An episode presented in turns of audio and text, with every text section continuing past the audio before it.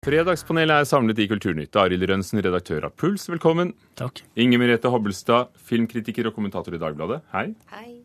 Og Vidar Kvalshaug, litteraturkritiker og kommentator i Aftenposten, velkommen til deg. Takk skal du ha. Første spørsmål. Odd Nerdrum ønsker ifølge Klassekampen å sone sin dom på to år og ti måneder for skatteunndragelse hjemme med fotlenke og male et maleri på seks ganger fire meter som han siden ønsker å forære staten. Bør han få sone hjemme? Ja. Ja. Nei. Det virker da som en ganske fornuftig idé, fordi det vil jo være veldig kostnadsbesparende, f.eks. Vidar Kvalshaug? Ja, men samtidig så har det vært en del eh, andre saker som har ligna den. Det var jo en promilledømt norsk forfatter som ikke engang fikk ha med seg skrivemaskin da han skulle inn og, og, og snekre paller. ikke sant? Det har vært forskjellige sånne saker, men det er klart Nerdrum setter dette på spissen. Han ønsker å bli en martyr som har tatt av den norske staten, stå der i, i fotlenke sånn at alle kan besøke ham og, og, og ta, ta bilder av hans misere. Så dette er bare nok et steg i den der kampen hans.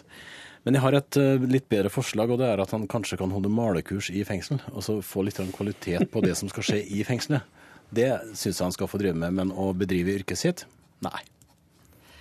Eh, altså, Jeg skal være den første til å si at jeg syns Nerdrum, og ikke minst hans eh, mange eh, brennende forsvarere, har opptrådt ganske eh, usympatisk i denne saken. Altså, Når du hører på noen av dem, så skulle du jo tro vi levde på 1820-tallet, og at denne mannen ikke kan verken kan tiltales eller straffes eller berøres med annet enn silkehansker, fordi han er et slikt enestående unntaksmenneske at han ikke kan dømmes etter menneskelige lover.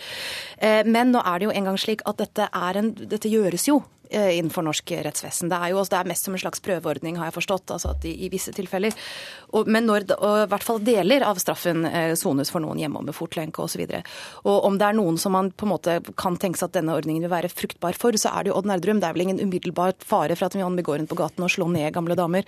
Eh, og det at han da vil kunne eh, virke eh, og drive med det han driver med eh, samtidig som han soner, om det er en måte hvor det kan fås til, hvor det er innenfor systemet som allerede eksisterer, så syns jeg det er en god idé. Men sier du ja, Rødrønsen, fordi av kriminalpolitiske grunner, eller, eller fordi dette maleriet ville være en flott gave til staten? Ja, nei, det- definitivt det første. Altså jeg, eh, når han sier til Klassekampen i dag at eh, han mener at han er så forfulgt fordi han maler sånn figurativ kunst. En kunstpolitisk fange har han kalt seg mange altså ganger. Det, det tror jeg er liksom, da, da har du nesten begynt å få litt sånn forfølgelsesvanvidd. For sånn tror jeg ikke det norske jusvesenet fungerer. Men når jeg sier at jeg, at jeg syns han burde det, så er det i hovedsak for at jeg syns at mange flere burde få lov til å gjøre det. Jeg syns det er en veldig god idé at folk som ikke har gjort den typen forbrytelser, som er som kan, eh, altså gjentagelsesfare, voldtekter og sånne ting, så syns jeg det, det må, jo må jo være besparende for samfunnet. At folk soner hjemme. Og det viktigste er jo at det, altså den, Jeg tror ikke noe på at det er fryktelig enkelt å sitte hjemme i to, to år og ti måneder og være innafor husets fire vegger. Jeg tror ikke det er noe enkel soning i det hele tatt, men det var mye bedre, også, og siden han også er kunstner. Så har jeg sett utkast til det maleriet han har tenkt å lage om å åpne fengslene. Det syns jeg ser helt suverent ut. Så det burde han få lov til å gjøre i løpet av de to åra. Og så hører vi også igjen og igjen at fengselet produserer kriminelle, at de får kriminelt nettverk osv. Og, og tenk om Odd Nerdrum kommer ut fra fengselet, slutter å male og begynner å lange under eventyrblad. Det ville jo vært litt sørgelig. Eh, og hvis det finnes en måte å unngå det på, så syns jeg vi må få gjøre, det. Det ville vært en veldig ubehagelig gave for staten å, å, motta, vil jeg tro. Dette maleriet av, av folk som velter ut fra fengslene. Skissen er publisert i avisen. det må han jo bare, Den ideen må han jo bare legge fra seg. Altså Ikke at han ikke må male bildet, det kan han jo få lov til i et land med ytringsfrihet osv., men at dette skal være en sånn gave til staten, at han på en eller annen måte skal eh, kjøpe seg unntaksbehandling med det. altså Det fremstår jo som eh, minst like korrupt som det han hevder. hvis, han har rett i dag det som, i det som står i avisa, at, at det visste ikke jeg om før, at disse løvene på Løvebakken er lagd av fengselsinnsatte, så har han jo et godt poeng. Jeg Det, to, opp, det er to steinhuggere som gjorde det. De var ikke kunstnerne, men de gjorde det og, og ble benådet, da, han ene, de det, for, ja. for dette bestialske drapet. Vidar Kvalshaug, det er andre som har sonet og tjent penger på det. Det er forfattere som har sonet for, for øh, kjøring. Fyllekjøring, komikere og forfattere, og har skrevet bøker om det og laget show om det. Ja, det har vært veldig ulik behandling, og de har hatt 21 dager for noe fyllekjøring og eventuelt fartsovertredelser, men dette er to år og ti måneder for en relativt grov økonomisk sak, som pleier å bli, å bli altså La oss si ville en megler uh, ha fått lov til å sone hjemme og bedrive sitt yrke hvis han var dømt til to år og ti måneder i fengsel for en eh, skatteunndragelse. Ikke sikker på det. Nei. La oss si at den dommen i hvert fall er omstridt, da. Dommen er omstridt. Kanskje han kan dekorere pallene? Det eneste som skjer, eneste som skjer med fyllekjørere hvis de får lov å være i, i fotlenke, vet du, at det blir mindre å spikre paller. Ja. Mange festivaler er misfornøyde med andre festivaler. og Da handler det igjen om disse knutepunktfestivalene vi hørte om for noen minutter siden her i Kulturnytt. Fordi disse får altså mye mer penger enn de andre. Moldias, Festspillene i Bergen, Øya, Olavsfestdagene osv. Og, så og så skal de hjelpe de andre med spesialkompetanse osv. Er det på tide å løse opp knutepunktfestivalene? Nei. Nei. Nei. Dere er veldig enige om dette, men jeg synes hvert år at vi sitter med debatter, bl.a. i Kulturnytt, om at veldig mange er veldig misfornøyd. Mitt standpunkt er at uh, nå har jeg aldri drevet festival sjøl. Jeg har drevet et par andre virksomheter som har vært økonomisk utsatte. Og jeg, min erfaring er at det er veldig, veldig bra å ha et slags stabilt økonomisk grunnlag fra år til år, så du veit omtrent hva du har å gå til.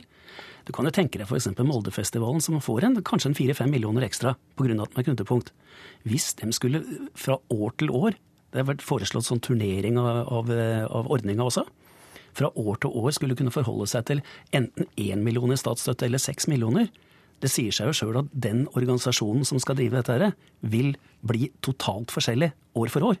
Og det blir ikke noe mulig å planlegge for lang tid. og det, Derfor så tror jeg det er lurt å ha det. Men samtidig så er det mange, mange minusordninger. Og det er greiene som Olemic Thommessen var inne på her i stad, om at hva skal Moldefestivalen lære i Kongsbergfestivalen? Der tror jeg han har helt rett. Altså, Det fins fire-fem profesjonelle jazzfestivaler i Norge, og de er like profesjonelle. Jeg tror ikke Moldefestivalen har noen ting å lære dem. Og, og, hvorfor skal litteraturfestivalen på Lillehammer eller kortfilmfestivalen i Grimstad ha en sånn privilegert posisjon når det gjelder disse områdene? Jo, det skal jeg si deg. Eh, jeg syns dette er så befriende fra den der norske likhetstanken. Her har noen, og det var Åse Kleveland som starta det, våga å si at dere er best, dere skal ha flest penger, dere skal kunne utvikle dere best. Og dette hører du aldri om i norsk kulturliv. Der er det sånn at det er en stor pott der alle får litt, og ingen er helt fornøyde, og ingenting blir noe ordentlig schwung over. Så jeg syns av den grunn så skal vi beholde knutepunktstatusen, og så får vi se på disse tingene som Arild som riktig påpeker, om de samarbeider godt nok og sånne ting. Dette kan de evaluere herfra til, til til Kulturdepartementet og tilbake. Men la det her bestå, la noen være litt privilegerte eh, blant festivalene. Og det er et stykke til Kulturdepartementet, håper vi. Eh, jeg er jo hjertelig enig med siste taler her, og jeg har også lyst til å tilføye apropos det du sa i sted, at ja, vi sitter år etter år og snakker om at noen er misfornøyde, men at noen er misfornøyde betyr jo virkelig ikke at noe er galt, for noen er jo alltid misfornøyde. Altså Hvis noen får litt penger og ser til siden og ser at han eller hun andre får litt mer penger, så oppstår misnøye som uh, liljekonvaller opp av vårjorden. Den, den, den, den blomstrer. Men jeg gjør. Men øh, jeg syns kanskje det er for mye snakk om nytte og kan de lære de noe? Og er de nok mentorer? Sprer de altså Har det nok liksom, ringvirkninger utover til andre festivaler? Jeg syns ikke det er det som er det vesentlige poenget i det hele tatt. Jeg tenker at det vesentlige er at vi får noen store festivaler som får, som uh, Arild snakker om her, får en forutsigbarhet, får nok ressurser. Uh, kan liksom bygge seg ut til å være et sted der de kan få store artister, planlegge lang tid i forveien. Slik at kulturinteresserte, musikkinteresserte får, gode, får festivaler med gode programmer å gå til. Det er jo det viktigste. Det virker jo egentlig som dere alle synes at det er fint at noen er bedre og, og blir anerkjent som veldig gode gode. At det der med at de skal lære bort de andre og all den innpakningen i knutepunkt, det er ikke noe viktig i det hele tatt for dere? Det er ikke det vi sier, altså, men om det ikke skjer, så får de finne måter å få det til å, til å skje på, men de må ikke ta bort hele ordningen. Og Hva er galt med at noen festivaler er store og noen festivaler er små? Og så er det viktig at for å få knutepunkt, så skal du ha holdt på en stund. Det, og hvis du tar vekk akkurat det, det kriteriet der, sånn, så blir det sånn f.eks. Holmenkollfestivalen i år, da, for første gang. De kan ikke få like mye penger som Moldefestivalen gjør, som har holdt på i 100 år. Ikke? Sånn kan det ikke være. Vi hadde nok trengt det. Det var, mye, det var utrolig mye, mye tåke der i år. Vi må snakke om sex. Det er nemlig R&B-sangeren Frank Ocean. Han skal til Øyafestivalen eh, senere i år. Han sto frem som i hvert fall bifil denne uken, samtidig som en Hollywood-stjerne som John Travolta hardnakket fortsatt benekter påstander eh, og lekkasjer om at han er homse og hadde et forhold til piloten sin. Eh, det, det gjelder jo andre Hollywood-stjerner, Clooney osv. Spørsmålet er, når en sånn type som Frank Ocean står fram, vil det hjelpe karrieren hans? Nei, ikke på noen måte. Nei. Nei. Hvorfor er det slik, da? Det er da mye åpenhet og 12 000 som gikk i, Pride-parade for noen dager siden? Altså, han opererer jo innenfor et amerikansk marked der, der, sånne ting kanskje snakker til enkelte grupper. Men eh, hvis vi ser på det her hjemme, så er jo dette med, med outing av eventuelt eh, andre typer eh, legninger og, og, dette med å spille på sex noe man begynner med når, når, det kunstneriske ikke er ordentlig på plass, når man vil komme litt lenger, ikke sant. Så jeg, jeg, jeg er litt sånn trett jeg, av denne outinga av disse og, og, disse, Han outa seg selv, da. Ja, og disse, disse åpningene og alle disse, disse skapene. Jeg tror, ikke, jeg tror, ikke, jeg vil lytte til han på noen annen måte nå enn, for, enn jeg gjorde for to uker siden, da vi ikke visste at han var sjokkerende bifil, eller hva han har. ikke sant? Altså, jeg, jeg er litt trett hele, hele greiene. Jeg tror ikke det endrer noe.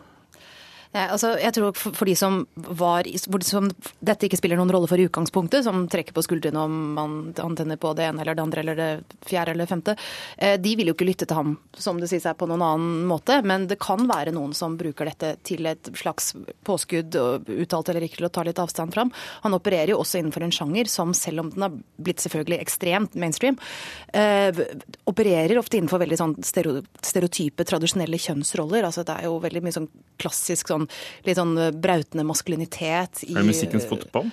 Ja, på en måte. Og jeg kan se for meg at mange av disse liksom, frustrerte unge mennene som finner noe litt sånn aggressivitet som de setter pris på Nå var det ikke så vanvittig aggressivt, det vi har der i utgangspunktet, da.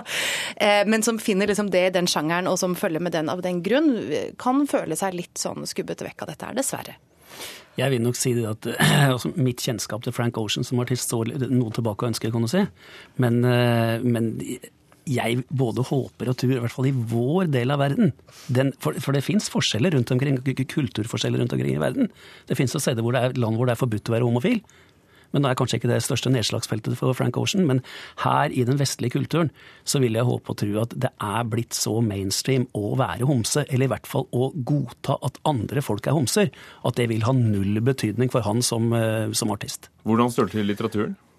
I litteraturen så har vi jo sett at det skaka jo delvis Norge dette her bare for ti år siden, da det kom en, eh, en opplysning som var ganske godt belagt om at Prøysen eh, kanskje var bifil, eller eventuelt hadde hatt, uh, hatt mannlige uh, venner. Og dette fikk jo store deler av norsk kulturliv til å gå litt sånn bananer. Så man skal ikke si sånn om Prøysen, akkurat som det var en slags eh, smitte man hadde, man hadde gitt ham. En diagnose. Det, jeg ble veldig overraska, og det er mange av de som eksisterer i dag som helst ikke vil høre om dette her.